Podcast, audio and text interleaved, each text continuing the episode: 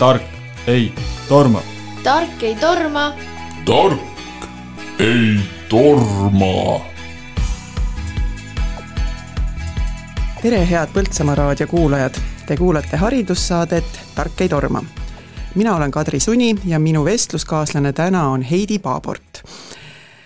Heidi töötab hetkel Sotsiaalkindlustusametis noorte garantiinõunikuna ja sa oled ka Tartu Ülikooli sotsioloogia doktorant teist aastat. aga ma arvan, Põltsamaa inimesed teavad sind eeskätt ikkagi noortekeskuse algataja, rajaja, eestvedajana, et et me alustamegi, alustamegi kindlasti sellest, sellest sinu seosest ikkagi selle Põltsamaa noortekeskusega ja mingis mõttes me oleme sellises nagu ajaloolises hetkes, et, et loetud tundide pärast sina annad üle äh, oma sellise lapsukese, selle Põltsamaa noortekeskuse ja et ma juba ennem, ennem saate algust juba kuulsin, et sa just tulidki nii-öelda üle andmast ja loendasite seal mööblitükke, et et äh, Põltsamaa valla, hallas, hallatav asutus, Kultuurikeskus siis võtab üle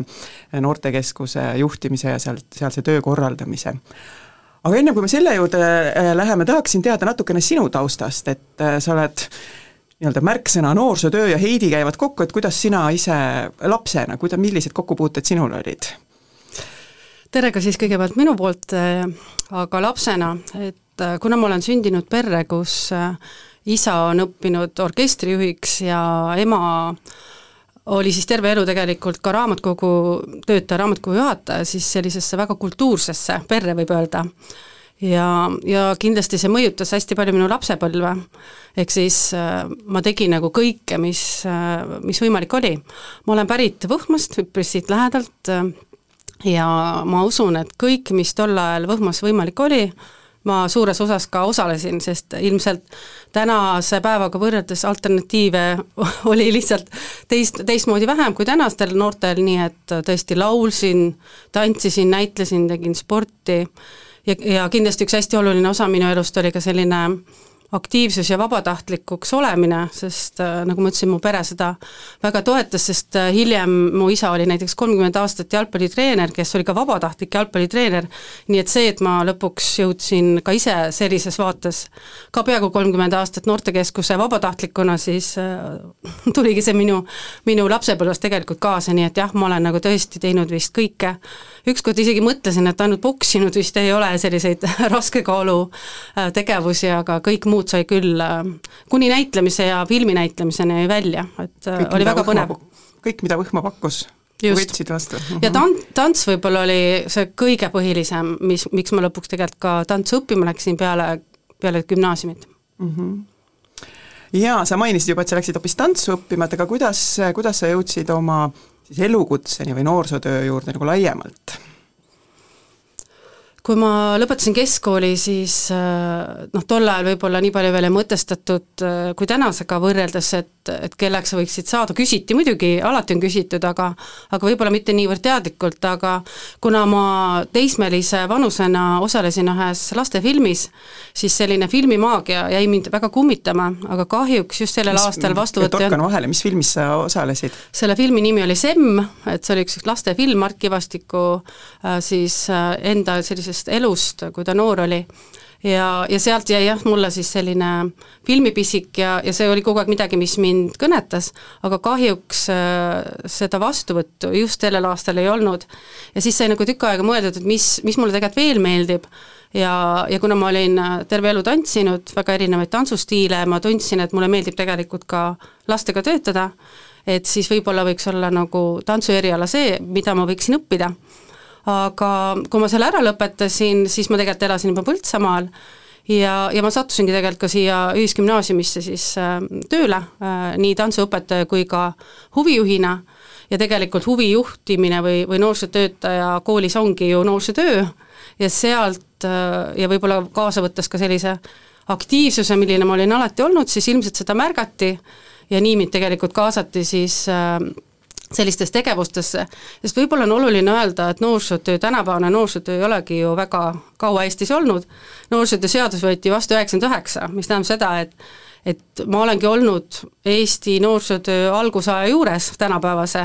ja olemegi kõik loonud seda kõik koos, ehk siis ma sattusin kuhugi, mida veel võib-olla mingil määral ei olnud, aga seda tuligi siis luua mm. -hmm. Kuidas sa avatud noortekeskuste teema juurde sattusid, et ma arvan, et no sinna jõudsimegi seda teed pidi, et kuna ma ütlesin, et noorsootööd ei olnud äh, olemaski selles kujus, nagu me täna seda tunneme, siis tolleaegne Eesti Noorsootöö Keskus äh, kui kõik see arusaamine, et noorsootöö on midagi, mis Eestis võiks olla, ja teadlikult toimetada, äh, mõtlesid, et nemad nüüd korraldavad sellise uhke esimese koolituse tuleviku noortekeskuse noorsootöötajad. ja igast maakonnast siis vaadati kaks inimest, kelle puhul nagu tundus, et nad ajavad mingit asja, et oleks hea nad kõik kokku tuua ja, ja see oli siis tõesti selline väga pika, pikk koolitus, kus kõik see, mis täna tundub täiesti tavapärane,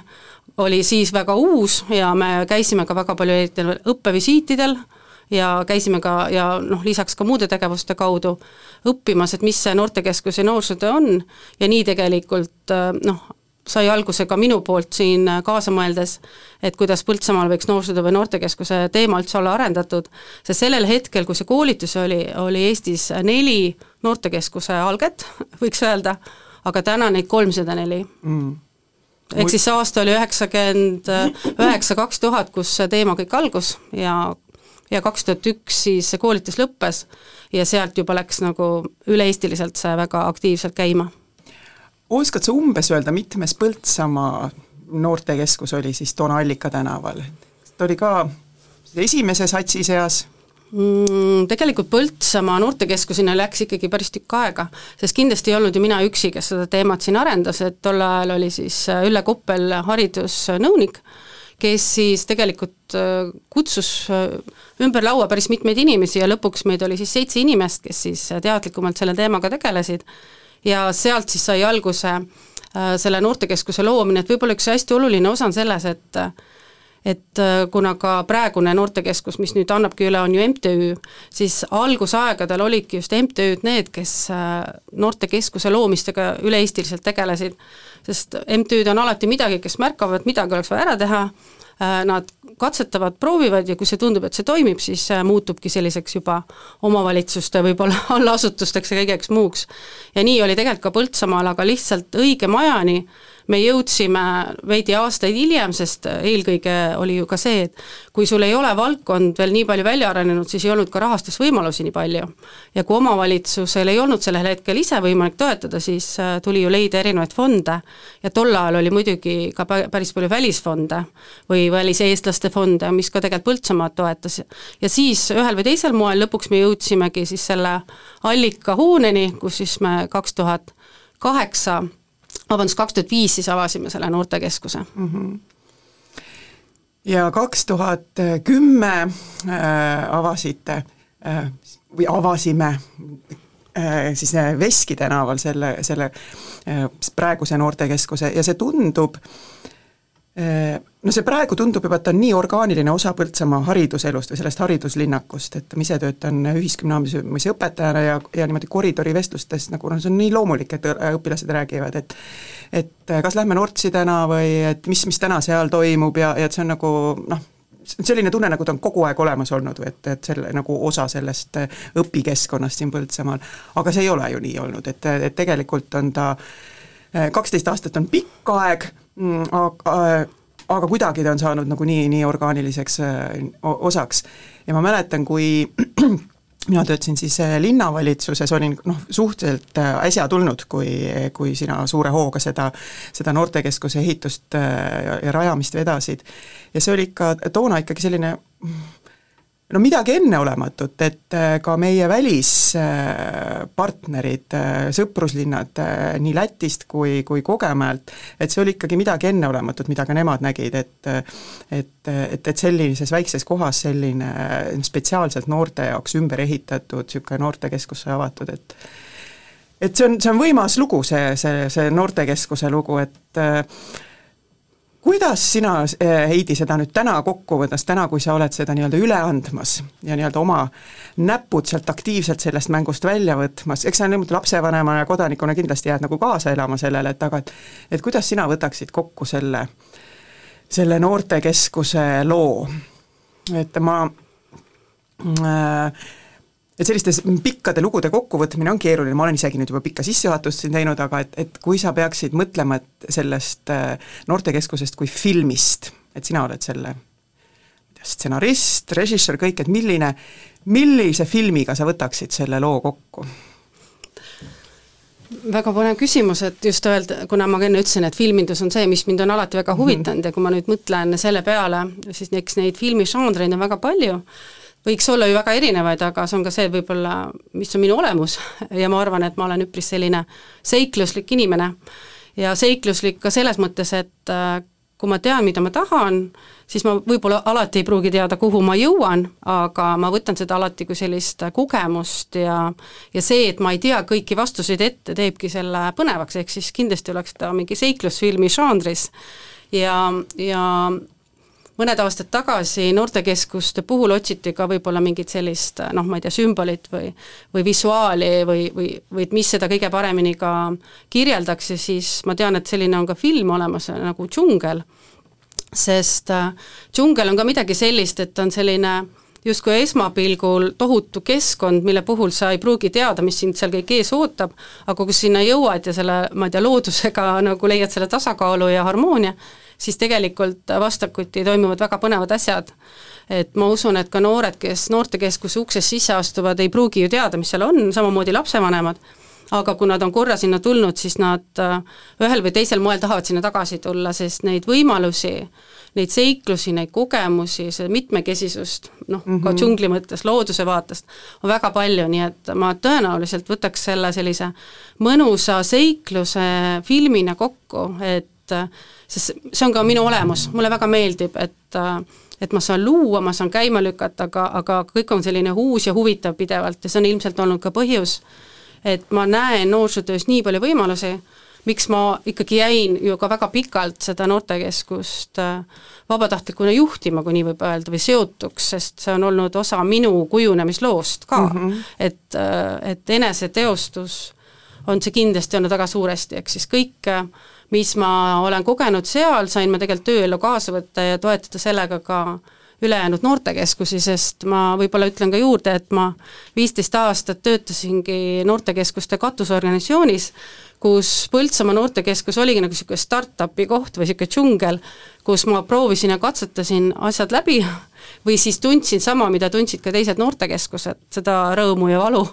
ja teadsin täpselt, kuhu või kuidas arendada, sest mul on endal seesama kogemus mm, nii et džungel. ja selles džunglifilmis, mis sa tooksid välja,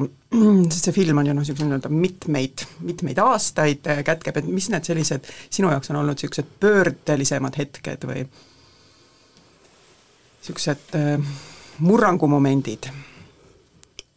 Ma arvan, et see noh, ma olen noortega töötanud ja, ja noortekeskuste heaks võib-olla selline kakskümmend, kakskümmend viis aastat oma elust. ja kui ma mõtlen seda filmina, siis siis ma näen seda, et, et tõenäoliselt sellel filmil võib ka mitu osa olla, et kuivõrd ühiskonna muutused on mõjutanud ka seda, või vastupidi, et mis, kuidas nähakse noortekeskust või noorsootööd üldse nii lapsevanemate kogukonna kui ühiskonna poolt et kui algne filmi esimene osa tõenäoliselt oleks midagi sellist, et saaks noored tänavalt ära, et oleks üks koht, kus noortel on olla, siis järgmine osa juba tõi kaasa selle, et, et noored tahavad seal olla, nad saavad hariduslikke kogemusi, kultuuriga seotud kogemusi või loovad uut noortekultuuri, loovad uusi väärtusi ühiskonda ja ise kasvavad sellega ja ükskord tulevad või noh, minnes ka Põltsamaalt ära või kunagi tagasi tulles, tahavad seda edasi arendada ja praegu või praegusel hetkel tõenäoliselt on need osad, kus kus on hästi palju see mitteformaal- ja formaalhariduse selline lõimimine või et noorsootöö kui noore toetamine tema unistuste teekonnal ja eks siis iga osa on nagu erinev seiklus või see, millele ta fookust paneb, nii et kindlasti on noortekeskuse kui kohast, kui sellisest sotsiaalsest ruumist äh, saanud nagu noh, vägagi teadlik selline haridus ja kultuuri ja ja tegelikult ka endiselt sotsiaalvaldkonna selline fookus. et äh, võrdsetest võimalustest on saanud võib-olla õiglased võimalused, et ka see võib-olla on nihe olnud ühiskonnas mm. -hmm ja väga, väga põnev film, äkki, äkki tulebki kunagi sul selline film teoks teha tagasivaatest. Mis, mis tundega sa lased Põltsamaa noortekeskusest lahti? väga hea tundega, sest äh, minu jaoks on hästi oluline see, et noortekeskus äh, on ühtepidi ennast ära tõestanud mitte ainult Põltsamaal, vaid igal pool ja noored on selle leidnud, et selle kaheteist aasta jooksul, mil ta on olnud seal Veski neli, ei ole kunagi olnud olukorda, et noored ei tule või ei taha ja, ja mulle meeldib ka see, et me nimetasime selle keskuse elukestva õppe keskuseks, sest see on andnud selle, et kõik julgevad uksest sisse astuda, kas ise vabatahtlikuna panustades või, või, või viies oma lapsi ja tulles või olles ise koos nendega seal. ja mulle tundub, et on niisugune mõnus kogukonnakeskus, kus kõigil on nagu hea olla et mõnikord äh, ka oma tööalaselt olen ma kohtumisi korraldanud just noortekeskuses Eesti keskel ja ma olen näinud, kuivõrd see maja mõjutab inimesi kuidagi olema palju kuidas ma siis ütlen, ka otsustes lahkemad et see, see maja kuidagi loob sellist positiivset mõtlemist ja olemist ja, ja see ongi see, mida ma ju tegelikult olen tahtnud, et et on selline mõnus turvaline keskkond ja loominguline ja loov keskkond, kus mm -hmm. igalühel on hea olla. nii et äh, ma olen, ma loodan, oma osa andnud ja nüüd ongi õige aeg, et äh, tulevad uued energiad ja uued inimesed ja see töö saab jätkuda, nii et äh, ainult hea tundega. mis, mis sa loodad, et mis mis hakkab juhtuma, mis, mis, mis sa nagu soovid või loodad, et võiks muutuda ja mis sa, mis sa nagu, võib-olla on sul ka mingisugune hirm või mida sa tahaksid, et mis jääks nii, nagu nagu need rajad on, mis sina oled sisse tallanud sinna noortekeskusele? Ma arvan, et see ongi huvitav, et ma ei tea, kuhu see liigub ja, ja ma ei peakski selles mõttes teadma, sest et noorsootöö, ma, mind on ennast vahest niimoodi kirjeldatud ja ma ise kirjeldan ka noorsootööd nii, et et inimene, kes töötab noorsootöös, on, on see, kes peab nägema pidevalt homset tulemas. Ehk siis see, mis oli eile, ei pruugi olla see, mida me vajame homme. ja kuna noorsootöötaja peab olema kogu aeg paar sammu ees sellest, kuhu ühiskond liigub, et noori aidata kohaneda olu-, uute olukordadega või et nad, me ei saa kunagi õpetada kõiki lõpuni aga me saame õpetada või toetada inimesi, et nad kohaneksid uute olukordadega. ja need uued olukorrad on ju meil igapäevased, on need olnud koroona nüüd, mis, mis toimub Ukrainas, tegelikult ma ei tea, kliimateemad, globaliseerumine, kõik muu sellised trendid, mis ju mõjutavad meie elu nii palju ja ka tegelikult neid õpi, või mitte õpi, vaid kui inimene läheb tööle, et mingi, et me ei taha enam töötada kümnest või kaheksast viieni, ma ei tea, siis on sellised tööampsud ja kogu see kultuur ja see on kõik see, mis peab noortekeskuses kaasas käima, nii et ma loodan, et nad jälgivad trende, võtavad selle kaasa ja tegutsevad äh, täpselt sellest vaatest, seda soovin küll mm. -hmm. väga ilus soov. Me teeme väikese pausi siin äh, vestluses äh, Heidiga ja kui me tuleme tagasi eetrisse, siis, siis räägime laiemalt sinu õpingutest ja sellist Eesti vaadet üldiselt, et sul on, kui me rääkisime praegu sellest kohalikust Põltsamaast põhiliselt, et siis, siis räägime üldiselt noorsootööst Eestist.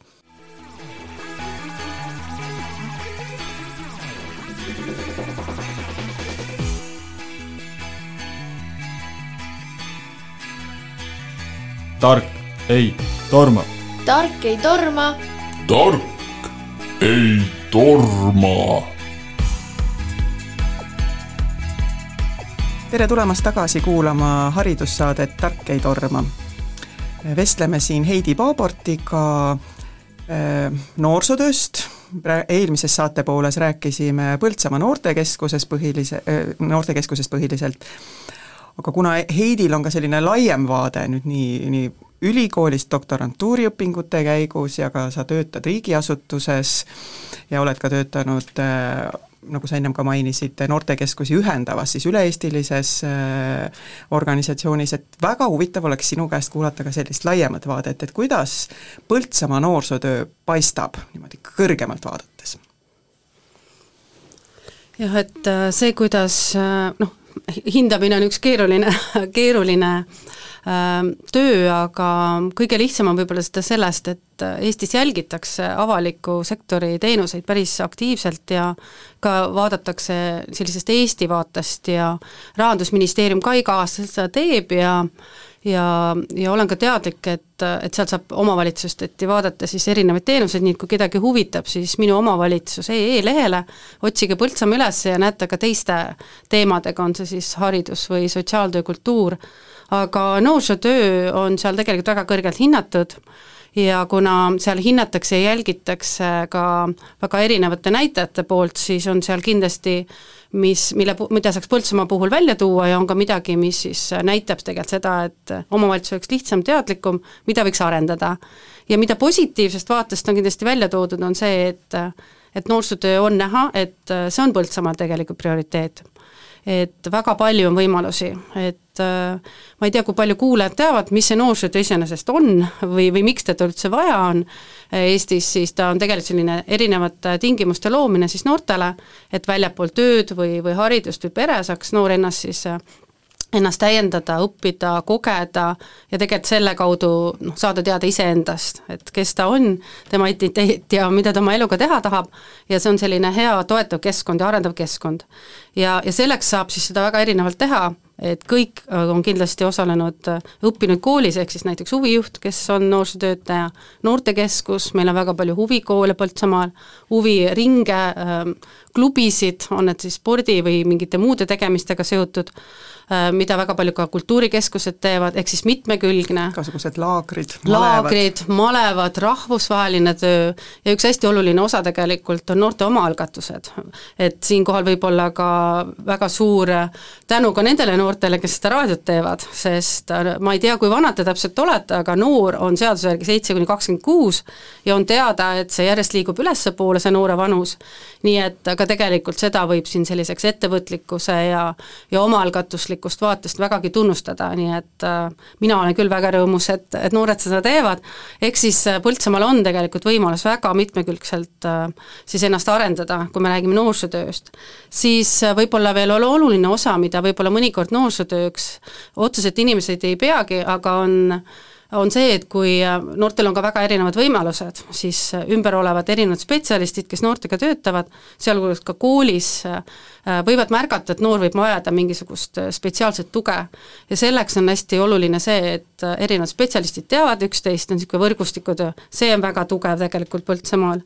ja, ja kindlasti on siis ka see, mida ma enne võib-olla esimeses osas tõin, et et kui väga palju räägitakse sellistest võrdsetest võimalustest, siis Põltsamaa puhul noored vastavalt nende vajadustele tegelikult pääsevad õiglastele teenustele. et mõnikord selleks, et noortel oleks võrdsed võimalused, tuleb mõne noore puhul teha midagi rohkemat just selleks, et, et ta jõuaks sinna või et ta teaks sellest ja, ja olenevalt ka siis noorte vajadustest. et ka see tegelikult on järjest äh, noh, arenev ja, ja on Põltsamaal hästi. ja noorte rahulolu on ka noorsootööga väga kõrge Põltsamaal ja osalusaktiivsus. et ikkagi väga-väga paljud noored äh, osalevad huvitegevustes, huvihariduses ja noortekeskuses näiteks on ka üle kuuesaja erineva noore, kes aastas tegelikult äh, sellest tööst osa võtab, mis näitab, et, äh, et see on väga aktiivne seal on muidugi ka mõned sellised äh, arenduskohad pakutud, et millega võiks Põltsamaa rohkem tegeleda, aga on selge, et eks iga omavalitsus saab ise ju otsustada, mis tema prioriteedid on. mis sa aga... tooksid nendest arengus, arendamist vajavatest kohtadest välja? üks hästi oluline osa, mida võib-olla ka iga kord ei mõelda, et, et seesama, kuna ma ütlesin, et noorsootöö on see, et me loome mingeid arendavaid tingimusi, siis need tingimused kas saavad piirata või luua ehk siis, et, et selleks, et teada, kuhu poole liikuda või mida teha, on tegelikult vaja ka sellist teadlikumat mõtestamist erinevate komisjonide, võib-olla ka selliste otsustajate tasandil. et on välja toodud, et võib-olla võiks olla eraldi noorsootöökomisjon, kes võtab mitte noore kui ainult noorsootöö vaatest, vaid noore kui noortepoliitika vaatest, ehk siis kuidas sotsiaalvaldkond, kuidas kultuurivaldkond, kuidas siseturvalisus, kuidas võib-olla ettevõtlus, ettevõtlikkus, kogu, et kuidas kõik kõik erinevad valdkonnad mõtestavad. volikogu juures võiks olla eraldi no näiteks, näiteks mm, -hmm. et äh, ja, ja see on just see, kes äh, mõtleb sihtrühma kui noore peale, mitte ainult noorsootöö vaatest, ehk siis äh, laiemalt, kuidas siis erinevate valdkondade kaudu teadlikumalt noorteni jõuda, neid toetada, ehk siis ühisemalt. ja see võiks näiteks olla üks ettepanekutest, meil on küll väga head ruumid ja võimalused ja järjest paremaks kindlasti ka lähevad, aga on välja toodud, et näiteks ligipääsetavus ei pruugi näiteks, et kui noorel on näiteks ta vajab, äh, ma ei tea, ratastooliga, et kas ta pääseb tegelikult igale poole, et, et sellest vaatest võiks veel nagu mõtestada, et kas me oleme mingeid barjääre loonud, et kõikidel noortel oleks võrdsed võimalused, no muidugi me võime alati öelda, et raha võiks rohkem olla, aga ma arvan, et äh, teadlikumalt võiks küll suunata, kuigi meil on see eelarvevõimalus, et sa saad pakkuda oma ideed ja, ja kui oma, ütleme siis see Äh, noh, mis on siis aastaeelarve puhul näiteks, kui meil on siin korvpalliväljak loodud ja noored seda vedasid mm -hmm. ja mhm, eelmisel mhm. aastal kohvik, aga kindlasti võiks olla ka teadlikumalt eraldi sellised võimalused, et et noored saaksid sarnaselt sellele raadiole veel, et mis huvid on, et nad saaksid oma ideid võib-olla teadlikumalt ellu viia ja selle läbi jälle õppida. mingi kaasavast eelarvest no, kaasa, midagi no just, spetsiaalselt noorte noortele, ehk siis äh, selliseid asju kindlasti on veel soovitusi, et kus on võimalik, ehk siis seesama volikogu juures on niisugune pikaajaline vaade, aga et ka tänastel noortel oleks nende huvidest lähtuvalt võimalik veel rohkem midagi ära teha, sest see on väga oluline tööturul hiljem, et sa oled ettevõtlik, sa oled meeskonnatöötaja, sa kohaned kiirelt, sa oskad suhelda, sotsialiseeruda, et, et see ka kõik toetab. et see mm -hmm. võib-olla midagi, mida võiks siis juurde öelda, et, et võiks veel mõelda mm. -hmm. Aitäh nende heade mõtete eest, Heidi! Räägi, millega sa praegu tegeled? et me siin rääkisime ennem, millest sa oled lahti laskmas, aga mis on, mis on praegu sinu südameteema? see südameteema tegelikult tuleb kaasa sellest, mis ma tegelesin noorsootöös, et äh, ma olen tõesti viimased kuus-seitse aastat teadlikult tegelenud siis noorte, nende noorte heaks, kes, kellel võib-olla ühel või teisel moel ei ole elus läinud alati nii, nagu nad on tahtnud. Ehk siis nad on sattunud teatud olukorda, mis neid takistab sellele, et nad ei jõua enam kooli või, või väljuvad tööturult või ei jõuagi sinna. ehk siis ametkondlikus keeles tõesti kasutatakse siis ingliskeelsest väljendist äh, niitolukorras noored, mis tähendab seda, et not employment, education or training, ehk siis mingil põhjusel on neil tekkinud olukord äh, nende elus ja midagi tuleb teha nende heaks võib-olla teistmoodi kui varem ja kuna sellesama programmiga, mida ma kunagi ka noortekeskuste heaks koos meeskonnaga lõin, oli noorte tugila ja sellest kasvas arusaamine, et tänapäeva noorte vajadused on järjest kom-, komplekssemad, ehk siis me ei saa toimetada ainult ühest valdkonna vaatest, et me kutsume nad noorsootöösse osalema ja kõik laheneb. ehk siis me vajame sellist sotsiaalvaldkonna, kultuuri, hariduse, noorsootöö, siseturvalisus ja nii edasi, tööhõive vajadusi ja sellest vaatest siis loodigi Sotsiaalkindlustusameti juurde meeskond, mida ma siis juhin, kes siis teadlikumalt siis riigi tasandil nüüd selle peale mõtleb, et kuidas tegelikult toetada noori kohaliku omavalitsuse tasandil nii, et olenemata sellest, millisest uksest ta sisse astub, ta jõuab lõpuks selle toeni, mida ta vajab. ja see ongi minu töö, et ehk siis noortegarantii nõunik on küll selline ametlik nimi, sest äh, noortegarantii võib-olla on keegi kuulaja seda kunagi kuulnud, seda sõna, tähendab tegelikult seda, et kuna Eesti on Euroopa Liidu liige, siis ta on lubanud Euroopa Komisjonile, et kui noor vajab tuge, siis ta leiab nelja kuu jooksul, ehk siis garanteerib talle mingi võimaluse, et äh, jõuda lähemale selleni, kus ta siis tegelikult jõuda tahab. ja, ja see on siis minu töö, ehk siis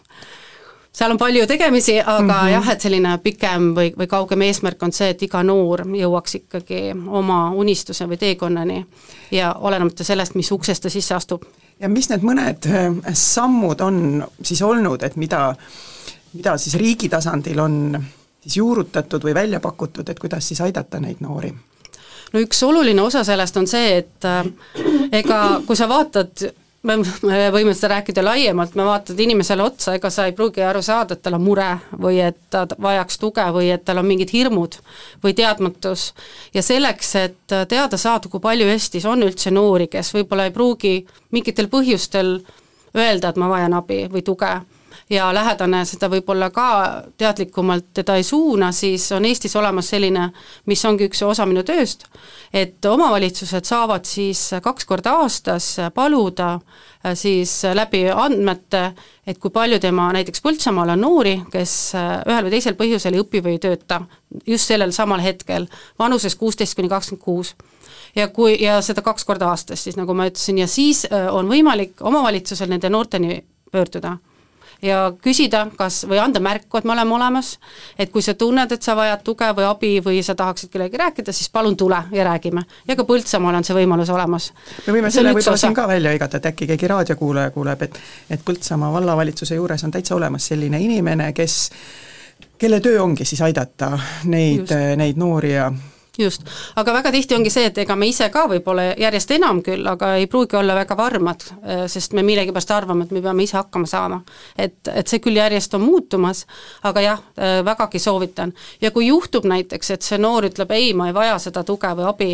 aga me, tema ümber on ju väga palju teisi inimesi ja nad näevad, siis ongi seesama, et näiteks ta võib-olla vestleb hoopis raamatukogus, äh, raamatut laenutades selle spetsialistiga seal ja spetsialist jõuab arusaamiseni, et aga miks mitte, et äkki me leiame sulle mingisuguse lahenduse. siis võib alguse saada täiesti sellest sammust see kõik ja, ja lõpuks ta jõuab ikkagi siis kas siis omavalitsusse või hoopis noortekeskusesse, kes siis spetsialistidena saavad, ehk siis see ongi see, mida me proovime Eesti riigis hetkel teha, et igaüks ise tunneb, mis vaates ta tuge vajab, et kas ta tahab rohkem tuge saada mitte formaalhariduse vaatest või, või mingist muust või, või lihtsalt vestelda või minna Töötukassasse, et, et, et see on tõesti, et see ongi see üks osa minu tööst. ja teine pool osast on see, et kuna, kuna me oleme näinud, et ega see teema ju tõenäoliselt kunagi ära ei kao, sest inimesed ka teadlikult otsustavad mõnikord tööturult eemal olla, minna reisima ja see on kõik täiesti normaalsus või jääda lapsega kauem koju. et siis oleks igal omavalitsusel, et ei tekiks sellist olukorda, et, et on taas selline teenus, et see sõltub sellest, kuhu sa oled sündinud, millisesse omavalitsusse ja kas nad peavad seda prioriteediks või mitte. siis me oleme ette näinud äh, riigi poolt, et äh, kes soovivad veelgi teadlikumalt sellega tegeleda, siis on neil võimalik võimalik rahastust saada uuest aastast lau-, lausa viieks aastaks. omavalitsustel, omavalitsustel, mis tähendab seda, et omavalitsuste juurde tulevad tööle inimesed, kes ei ole konkreetselt ühe valdkonnaga seotud, vaid neil ongi lai vaade. Nad teavad, mis toimub noorsootöös, nad teavad, mis on võimalused sotsiaalvaldkonnas, mis on kultuuri, siseturvalisus, Töötukassa, ehk siis äh, ta on selline meedium erinevate valdkondade vahel spetsialist, kes siis ongi noorte heaks ta mõtestab ennetusvaatest, et mida teha juba ennem, võib-olla on ka seal mingeid kohti ja, ja siis, kui noor jõuab või ta ise jõuab nooreni, ehk siis ta mõtestab seda teemat kõige teadlikumalt. ja see on siis teine üks hästi suur oluline osa minu kas tööst. kusagil äh, on juba selline inimene siis sellise profiiliga, selliste äh, funktsiooniga kusagil tööl, et kas on ka juba mingisuguseid häid näiteid, praktikaid, mida sa saad jagada, et tekiks niisugune täpsem ettekujutus? jah, et äh, see, millest ma enne rääkisin, et ma, ma olen selline startup'i inimene olnud alati, siis tegelikult väga palju sellist lähenemist on nüüd avalikku sektori tulnud ja ma arvan, et kõik ühel või teisel moel on sellega kokku puutunud, et see ei ole ainult noorsootöös. ja samamoodi oleme ka meie viimase paari aasta jooksul seda teadlikumalt katsetanud erinevates omavalitsustes. ja täna toimetab umbes kakskümmend inimest või isegi veidi rohkem, kes on just sellest vaatest saanud tuge ja me õpime nende pealt ja selle pealt tekibki teadmine, mida siis tasuks ja kuidas tasub see süsteem üles ehitada, millele juba rahastus anda. nii et see rahastus tekibki meie enda õpikogemuse pealt viimase kahe aasta jooksul. ehk siis selline koosloomeline, kus omavalitsus kas see on seesama inimene, kes on ka tegelikult Põltsamaa vallavalitsuses olemas või see on äh, mingist uuest funktsioonist juttu? no põhimõtteliselt tema toimetab sarnastel põhimõtetel, et nemad on, Põltsamaa vald on saanud rahastust siis Euroopa Sotsiaalfondi ühest meetmest, aga neid võimalusi on väga palju erinevaid. aga mm -hmm. jah, ka tema ütleme, see spetsialist siis on käimas meie erinevatel kohtumistel, ta jagab oma kogemust ja vastakuti, et ka see on üks hästi oluline osa, mis mina, ma loodan, et nii mina kui ka väga paljud teised avaliku sektori on kaasa toonud niisugune koosloomeline lähenemine, et kuna Eesti on küll väike, on tegelikult ju ütleme siis kultuur, selle organ-, selle mm -hmm. omavalitsuse kultuur väga erinev ja nende vajadused on erinevad, noortevajadused on erinevad, et siis me toomegi kokku seda teadmist, õpime üksteise pealt ja sealt sü-, sünteesis tekib siis tõde, ehk siis jah, koosloomine lähenemine. kas sul on endal, nüüd sa oled noh, kuulnud neid lugusid, kokku puutunud siis nende, nende noorte lugudega, kes on siis kuidagi võib-olla kõlab hinnanguliselt, et noh, ennast kuidagi ära kaotanud või et kelle, kes ei ole siis leidnud seda, mida õppida, see mingit nii-öelda aga siis tööalaselt eneseteostust, et on sul mingisugune lugu, mis on jäänud nagu rohkem kummitama või, või midagi, et, et saaks mingi tuua mingi konkreetse näide, et kuidas keegi siis noor on saanud reaalselt abi nendest uutest teenustest? eelmise aasta lõpu seisuga noori, kes ei õpi, tööta, oli veidi üle kahekümne tuhande Eestis, mis äh, võib-olla te-, paljude teiste riikidega võrreldes tundub väike, aga Eesti suhtes on see kõrge arv. aga ma lihtsalt tahan korra siia juurde öelda, et rohkem kui pooled neist on jäänud tegelikult selles, sellesse, kui ma ütlesin enne olukorda, teadlikult, et nad on jäänud lastega kauem koju, osaliselt on juba jõutud Töötukassasse, ehk siis see on niisugune statistiline number aga muidugi need põhjused, miks nad sinna satuvad äh, või sellesse olukorda satuvad, kui me räägime sellist keerulisematest juhtudest, on väga erinevad, aga see võis olla ka see, et tuli koroona, äh, esimesena kaotasid töö noored, sest et neil on kõige vähem kogemusi äh, ja ka teenindussektoris on väga palju noori. aga kui selle küsimuse peale, siis võib-olla ma ütleks üldsegi niimoodi, et ma ise ka enda peale mõeldes, kui ma laps olin ja ma arvan ka täna, et, et sellel ajal kasvatati ju see, et, et sa oled tubli tüdruk, sa saad alati hakkama ja ma tajun seda tegelikult ka täna oma ümber või, või, või ka praegu selles maailmas töötades, kuidas me eeldame, et inimesed peavad kogu aeg ise hakkama saama, sest sa oled ju nii tubli, sa oled alati hakkama saanud, eriti kui sa oled veel tüdruk. mis tähendab seda, et väga paljud tüdrukud ei julge oma probleemide noh, ilmnemisel tegelikult hakata otsima abi ja tuge. ja kui sa nendega hakkad lähemalt rääkima, siis äh, seal all on väga palju traumakogemusi et see olukord, et ma kukun tööturult välja või haridusest, võib olla see, et sa kaotad oma lähedase, või sul on näiteks koolikiusamine või, või on see, et sul ei ole häid suhteid oma vanematega, aga ta maskina kannab kogu aeg seda, et kõik on hästi, et väga raske mõista, kui sa ainult talle otsa vaatad. ja ne-, sellised juhtumid või lood tegelikult minu jaoks on väga kõnetavad, sest et seda on väga palju meie ümber. et me millegipärast tahame alati näidata ühiskonnas, et mul läheb paremini, kui mul läheb et võib-olla selle on ka sotsiaalmeedia kaasa toonud, et, et see kuvand, mida me ennast loome, ei pruugi olla see, mis mm -hmm. ma mhm. tegelikult olen. ja vot selliste lugude lahendamine või, või nendele lõpuks neid selliste lahenduste leidmine on mind tegelikult väga palju rõõmustanud, et äh, võib-olla ma tooks hoopis sellised, kuigi jah, need lood on väga-väga erinevad ja ja ma arvan, et minu tööelus on neid ka olnud päris palju, neid juhtumeid, kus, kus hiljem ma kohtun nende noortega ja nad on tegelikult tänulikud olnud, et et on olnud üks usaldusväärne täiskasvanu, kes on neid võtnud lõpuks nendena, kes nad on mm. -hmm. ja on saanud abi. saanud kuskilt kännu tagant ära mm. -hmm. räägi oma doktoriõpingutest, need on sellesama teemaga seotud, et mis, mis on olnud sinu sellised siis praegu nii-öelda doktori te teekonnal veel poolel, poolel teel, oled sa mingisugused niisugused olulisemad, ma ei tea, taipamised või? Ja eks see doktoritöö, tavaliselt küsitakse, mis see üldse on et et ega kui sa ei ole sellega kokku puutunud, sa ei pruugigi teada, mis, mis see üldse nagu tähendada võib või mis, mis see on. aga üldjuhul lihtsalt ütlen, et äh, see tähendab umbes kolme-nelja sellise teadusliku artikli loomist ja iga teadusliku artikli loomiseks sa oled pidanud midagi uurima mm. -hmm. ja selle tulemusel siis tekib lõpuks see uus teadmine, mida sa siis, milleni sa siis oled plaaninud kunagi jõuda ja mina tõesti uurin siis noori just sellest samast sihtrühmast, kellest ma rääkisin. aga minu see kuvand või see see vaade, mida ma uurin, on see, et me oleme harjunud, et kui me vajame midagi, siis me läheme kuskile, keegi justkui ütleb, mis on nagu õige, et noh, tee nii või naa. ehk siis äh, aga mina, mina, mind huvitab see, et et, et me suudaksime pakkuda selliseid te-, avaliku sektori teenuseid, kus kus fookuses on see noor ja tema tunnetatud vajadused ehk siis, et kuidas me peame oma teenused ühe, ümber ehitama või, või mõtestama selliselt, et me ei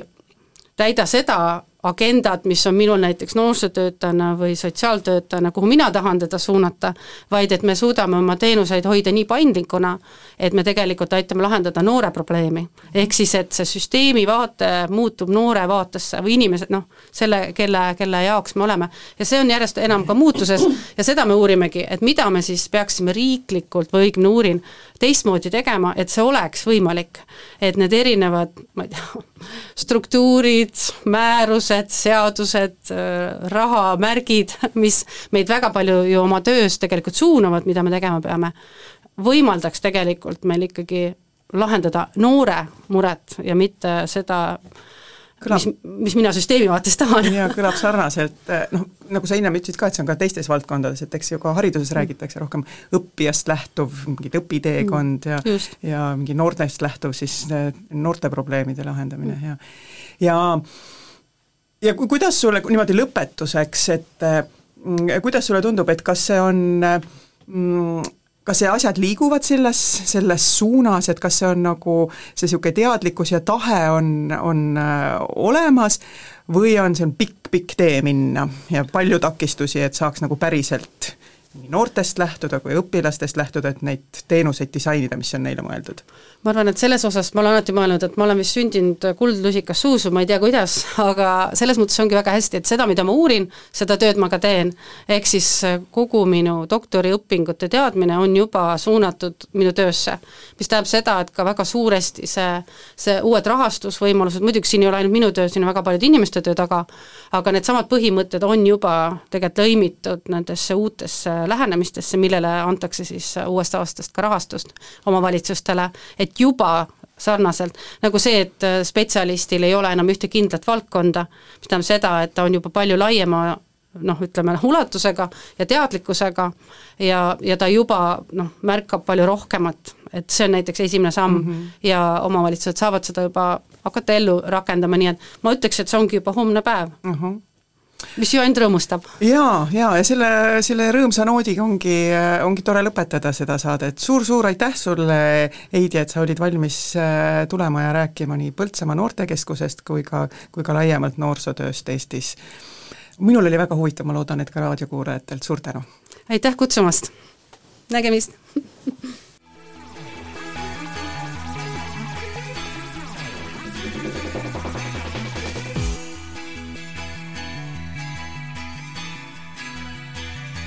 tark ei torma. tark ei torma. tark ei torma